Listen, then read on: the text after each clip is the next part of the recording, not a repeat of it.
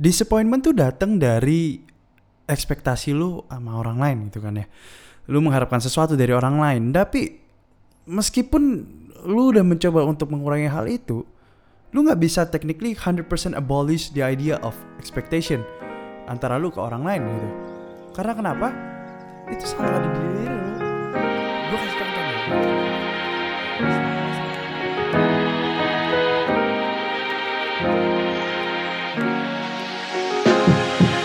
Hello everyone, welcome back to pada suatu ketika episode 48 Gimana kabarnya semua? Baik-baik saja ya, hopefully ya. Jadi dua hari yang lalu, gila men Gue harus bilang thank you banget buat mahasiswa. Gue literally dari pagi sampai malam Gue ngeliatin HP gue, gue kayak Please, please, please, kejadian dong, kejadian dong di Do something man.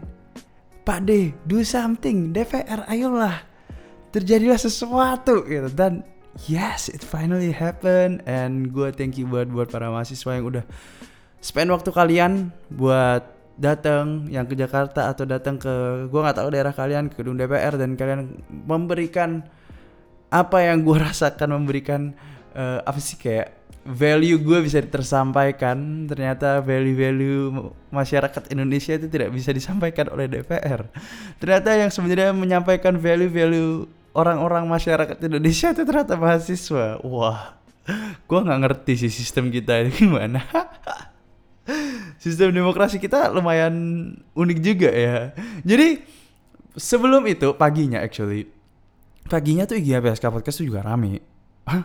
Masa sih kak? Aku tidak melihatnya di story. Oke, okay, sorry sorry. Gua gua gua revisi. Oke. Okay. IG-nya PSK Podcast itu rame yang nge-DM, banyak banget yang nge-DM gua, ya kan? Karena gua ngepost sesuatu tuh. Jadi gua bakal ingetin lu pada lagi. Sekali lagi, oke? Okay? uh, nih kalau lu pada banyak yang kan dari kemarin tuh banyak bilang kak seminggu dua tiga kali dong masa cuman seminggu sekali men gue tuh kerja 9 sampai lima men oke okay, uh, gue make sure kita bakal ngobrol lebih dalam di IG on Monday to ya tiap hari. Maksudnya hopefully gue bisa uh, biasanya kan gue cuman weekend doang. Tapi gue usahain gue kalau weekdays gue bisa sempetin biar kita ngobrol biar kita share biar kita sama Peter. Oke lanjut lagi. Jadi pada suatu ketika waktu itu tuh gue ngepost foto paginya sebelum gue harus kerja. Ya sebelum gue kerja oke. Okay. uh, jadi gue ngepost foto isinya tuh kayak gini.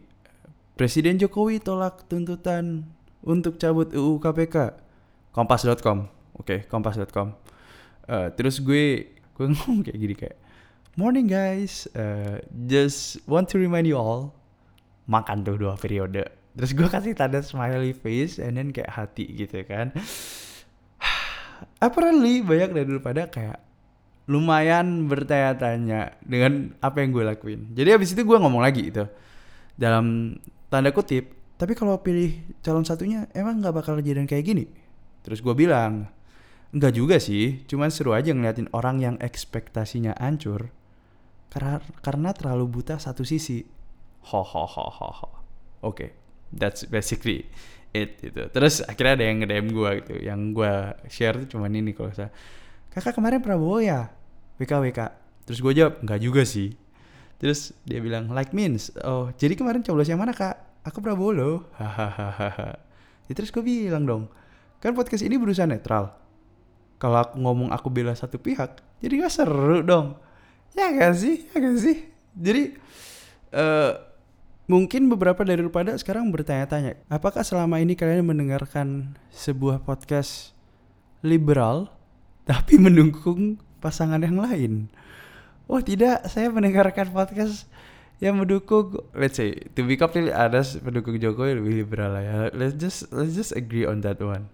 Oke okay. Terus kayak kalian hah selama ini kakak membela Prabowo? Aku tidak bisa mendengarkan podcast ini lagi. Kan gak gitu juga gitu maksud gue kan ya.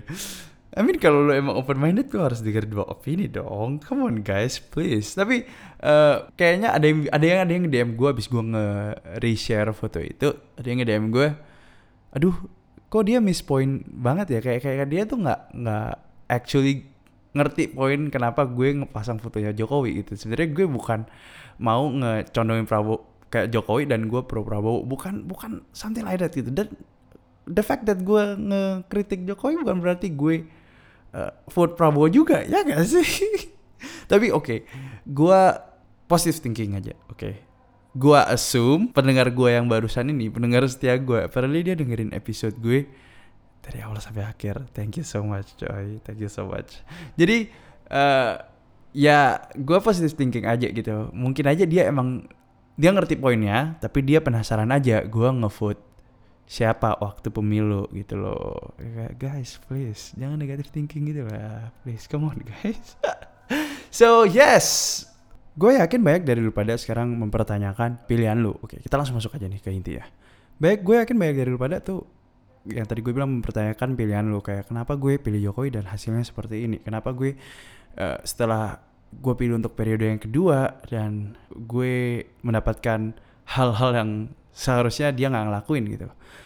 Uh, ada dua tipe orang waktu lu ngedilain something and then ngedilain someone and then doesn't go as the way you expected kan? Ada tipikal orang yang pertama adalah orang yang tetap dukung no matter what. Ini nih tipikal orang yang mungkin gue bisa bilang kayak saking cintanya. Ya misal lu pacaran saking cintanya lu sama cewek lu atau cowok lu uh, dia salah apa pun lu sikat aja gue percaya. Lu udah dipukulin gitu ya ditampar ya. Aku tetap percaya dia yang nomor satu. Gue tahu uh, dia itu yang terbaik. Gitu jadi ada salah seorang pendengar gue berarti uh, juga ngechat gue gitu. Dia nge-DM gue sorry nge-DM gue dan dia curhat tentang uh, gimana kita harus selalu positive thinking sama eh, Jokowi. Harusnya mahasiswa gak melakukan hal ini harusnya mahasiswa tetap pasti Jokowi tahu yang terbaik. Gak seharusnya mahasiswa ini malah ngedemo dan and do other shit gitu. Positive thinking aja gitu loh. Pasti ada big plannya. Ini tipikal orang yang pertama tuh yang yang yang pendengar gue yang ini gitu dan menurut gue gue gue bilang aja gitu kalau misalkan kita positive thinking terus gak ada reality checknya nggak ada fact checknya gitu. Even kayak menurut gue Jokowi juga manusia dia punya salah. Dan menurut gue dengan kita ngekritik dikit itu nggak berarti kita langsung di pihak oposisi gitu. Kita cuma bangunin eh pak pak D bangun dong pak. Tolong pak benahin hal ini. So that's that's totally fine gitu. Dan dengan kita positive thinking aja and we do nothing itu RKUHP dan revisi UU KPK nggak mungkin ditunda loh itu bakal langsung kejadian. Oh, masyarakat nggak ada respon apa-apa. So yeah, let's just agree on this one. Kita nunggu apa lagi? Dengan kita nggak justru kayak mempertanyakan hal ini, kita nggak berserasungannya, kita jadi tidak menghidupkan Orde Baru. Kita jadi menunda semua hal, semua perundang-undangan yang menurut gue lumayan fucked up ini dengan kita mempertanyakan, questioning gitu loh, the the idea of what government doing right now gitu loh maksud gue. Itu orang yang pertama. Keep pushing. Jadi gue gue tuh pernah ada satu page di uh, Facebook yang gue lihat dia pro Jokowi banget ya kan. Dan men page gue tuh isinya orang-orang pro Jokowi men dan dia tuh lu bisa ngeliat orang-orang ini shifting gitu. Awalnya dia pro Jokowi dan KPK dan waktu uh, revisi KPK yang disahkan tiba-tiba page ini ngata-ngatain KPK terus gue kayak bro just admit it bro. Just admit it. Come on guys. The government fuck this up right? Come on. Please. Dan tetap aja cinta gitu. Tetap aja ngedukung no matter what. This is the first uh, first type of person yang yang yang gue tahu gitu. Ada tipikal orang yang kedua tipikal orang yang kedua adalah orang yang udah tahu dan realize ini orang salah dia langsung lari ke pihak oposisi dan langsung menghujat-hujat gitu loh. Dan langsung kayak wah misal nih misal nih gue gue gue contohin nih yang paling sering di situasi gue adalah waktu lu kalau di rumah ibadah tuh ada kayak pasturnya kan ya uh, ada the leader the tokoh agama gitu. Waktu tokoh agama ini berbuat salah dia langsung benci dengan uh, rumah ibadahnya. Atau mungkin dia bahkan benci dengan agamanya. Gua gua udah let's say gua gue masalah nih wah ini leader pastornya di gereja ini parah banget sih. Gue nggak mau datang lagi gereja ini or even gue nggak mau datang lagi ke gereja mana pun. Or for those of you yang mungkin muslim yang mungkin pada kayak wah gila sih ustadz yang ini nggak baik banget. Atau even saudara gue itu saudara seiman gue tuh kurang bagus bla bla bla bla bla. Udah gue nggak mau sholat lagi. Dan gue sering nemuin hal ini. Karena kenapa? Karena lu udah ekspektasi lu tentang uh, this whole things itu awalnya kayak oh ya gue gue percaya tentang religion ini gue percaya orang ini tuh perfect banget dan suddenly ada suatu kesalahan gitu. Dan yang padahal yang mereka lihat tuh juga manusia yang manusia pasti melakukan kesalahan. And then everything fall apart aja itu dan langsung 180 derajat benci ada ada tipikal orang kayak gini. Oke okay, gue jadi keinget sesuatu cuy actually do uh, lu tahu lu tahu kan Ahok? Ahok si Cina. Yang satu ras sama gue minoritas. Ya Ahok itu yang lu pada lihat filmnya di mana-mana. Waktu pertama kali Ahok masuk penjara men lu nggak tahu seberapa gede orang-orang Cina di Indonesia tuh ya keturunan Tionghoa. Itu tuh mereka nangis mereka kayak Ahok tidak tidak tidak. Terus habis gitu anjing lah. Uh, habis gitu si Ahok ini kan dia cerai sama istri mantan mantan istrinya ya kan?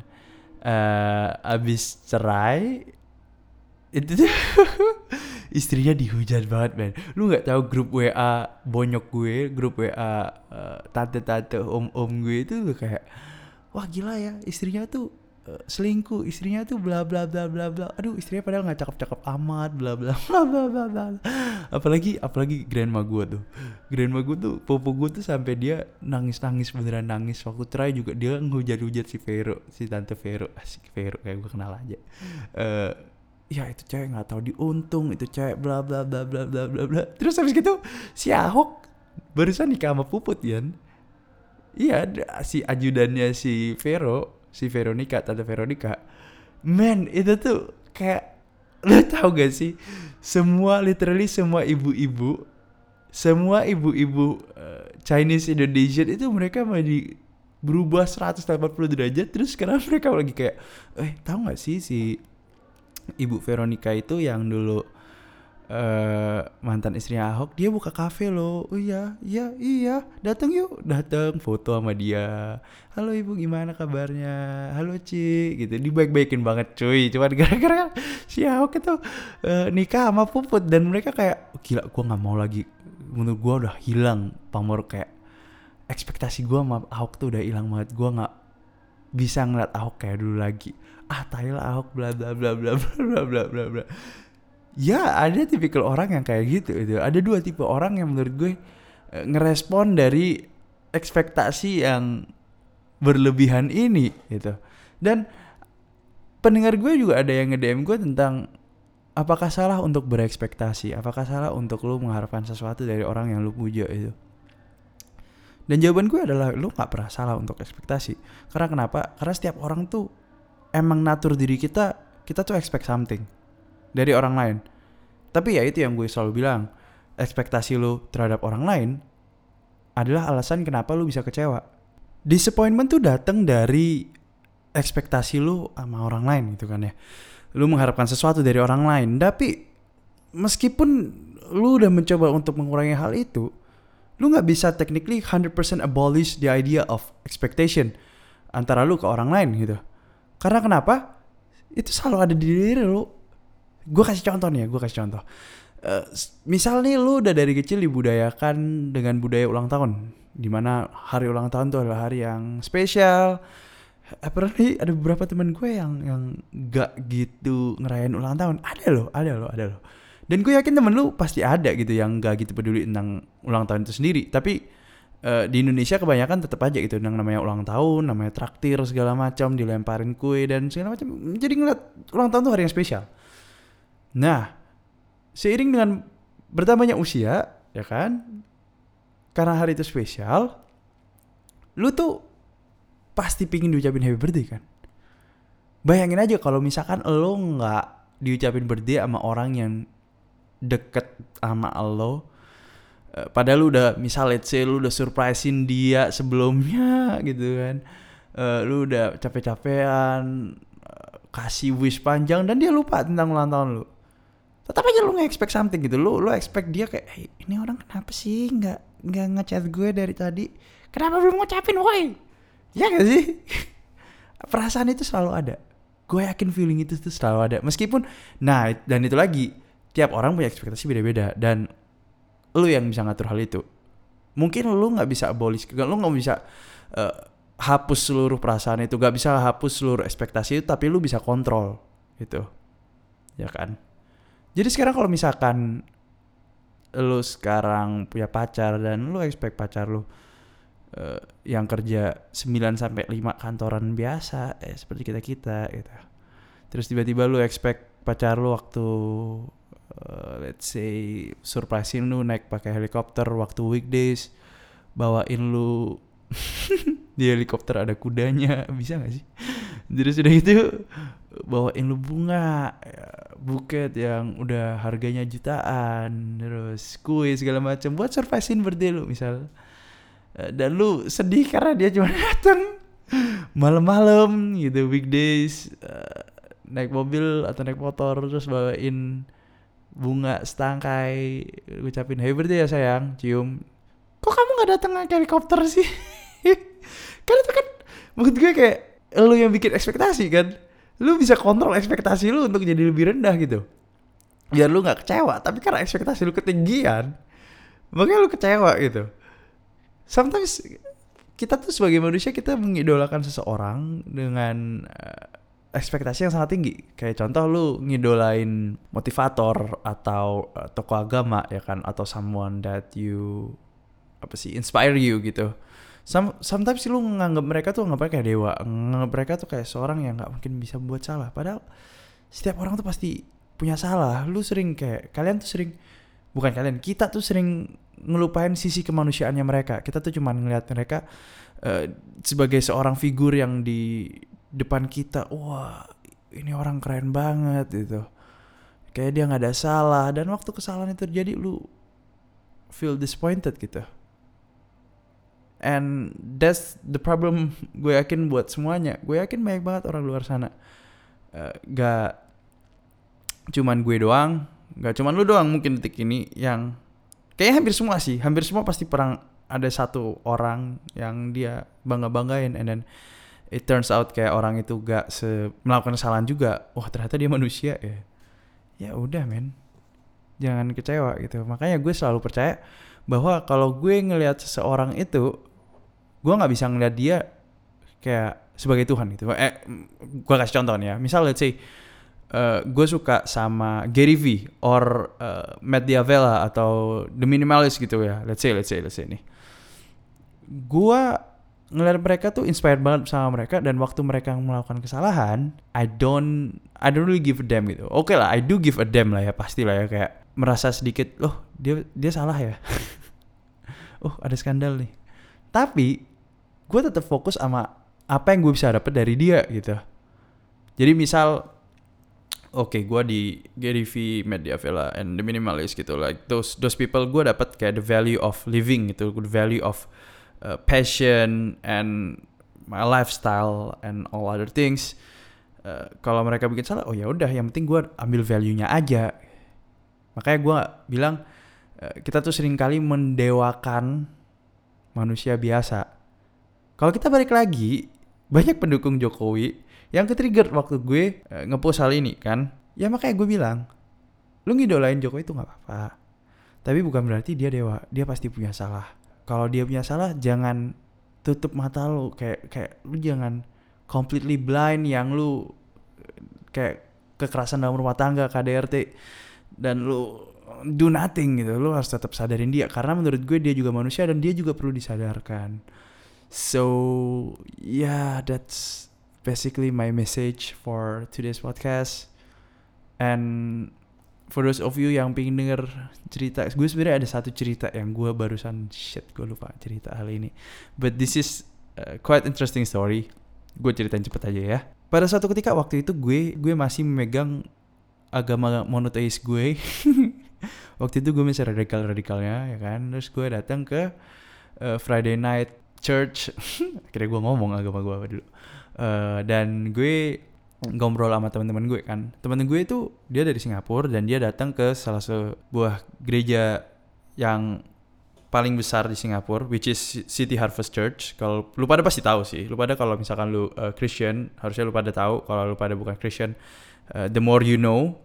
Jadi di gereja ini nih barusan tuh ada skandal. Nggak barusan, I mean like few years ago. Waktu gue datang itu ada skandal. Skandalnya tuh seperti ini. Jadi pastornya itu melakukan embezzlement atau kayak intinya tuh bukan embezzlement sih, kayak pakai duit gereja untuk kepentingan pribadi which is kepentingan pribadinya waktu itu adalah dia membiayai istrinya untuk pergi ke Hollywood untuk perform untuk karirnya bisa melaju di Hollywood di di LA di secular industry yang di mana kalau nggak salah namanya Sun Hee deh Sun Hee untuk istrinya. Kalau nama pastornya tuh cowok namanya Kong Hee. Lu pada bisa cek di internet ini kasus gede banget. Dan duitnya tuh kayak fraud gitu. Duitnya tuh dipakai dari dari uang gereja. Makanya dari tuh oke okay, just so you know gue dari dulu nggak setuju kayak religious groups itu nggak di tax loh. Gue jujur aja kayak menurut gue religious group juga harus di tax man mereka tuh lu tau nggak? FYI ini ya kalau misalkan gereja-gereja di Amerika di tax Amerika dapat dana 850 triliun rupiah loh. Cuman dari itu aja. Eh enggak seri, seribu triliun seribu triliun sorry. 85 billion US dollar. Gila gak sih maksud gue? Oke lanjut lagi nih ya.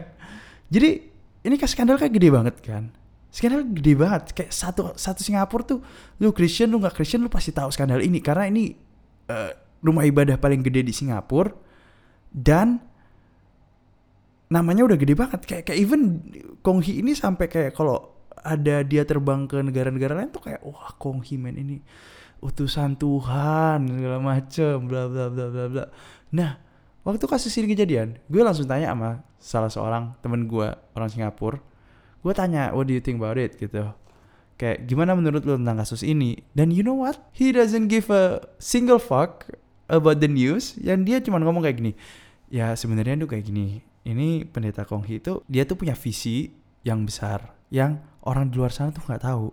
Visinya adalah dengan memasukkan istrinya ke dunia sekuler, ke dunia entertainment di LA ini, waktu dia bisa sebarin reach dia ke orang-orang yang tidak percaya, dia akan menjadi good example of Christian. Jadi dia sebenarnya ingin menyebarkan nilai-nilai Kristen sesudah dia jadi terkenal. Tapi orang-orang nggak ada yang tahu. so it's quite interesting though. I mean kayak ya gue gue gue cuma nanya gini doang kayak oh kalau misalkan dia ngerasa ini sesuatu yang baik, kenapa nggak satu dia pakai duitnya sendiri, dua dia kan waktu itu nutup nutupin dia puter puter duitnya ada kayak semacam money launderingnya juga. Kalau memang uh, dia tahu dia ngelakuin hal benar, harusnya dia nggak money laundering dong. The fact that dia puter puter duitnya dan mencoba untuk waktu di audit dia mencoba untuk evade, berarti dia tahu dia salah dong terus dia diem doang temen gue diem doang terus kayak, kayak ya enggak lah mungkin dia ada maksud sendiri ada big plan yang kita nggak tahu ah tai lah big plan terus aja so yeah I guess gue nggak bisa gimana ya? Gue nggak bisa nyalin 100% apa yang teman gue pikirin sih. It's his choice in life to believe whatever he wants to. Cuman gue selalu mencoba untuk remind myself remind other people waktu lu support sesuatu jangan jangan lu tutup mata lu seluruhnya gitu. Kayak kayak lu harus tetap sadarin dia karena dia dia juga manusia dia butuh uh, feedback dari lu begitu pula waktu lu mencintai siapa pun yang ada di sekitar lu uh, rasa cinta itu nggak selalu dengan lu support 100% dan lu nggak do nothing when he or she is making mistake gitu kan so yeah just be careful guys I mean I don't know for for everything I guess. so yeah. Hey everyone, thank you banget yang udah dengerin PSK Podcast sampai akhir. And for those of you yang belum ikutin, follow PSK Podcast on Instagram. Please, please, please, please, please do follow it now and contribute to uh, to the community. Hopefully lu pada bisa belajar sesuatu dan lu pada mungkin bisa inspire uh, a lot of people. Cause actually banyak banget Q&A every weekend and also uh, kita juga hopefully gue bisa lebih aktif on weekdays uh, for next week and seterusnya I guess. so yeah, thank you so much guys sudah dengerin sampai ini. Don't forget to subscribe, follow on Spotify, Apple Podcast, and all other things. Bentar lagi episode 50. It will be special with strawberry. Yes, with strawberry. Siti Stiani Tribunda. and yeah, I guess that's it guys for podcast today. And see ya.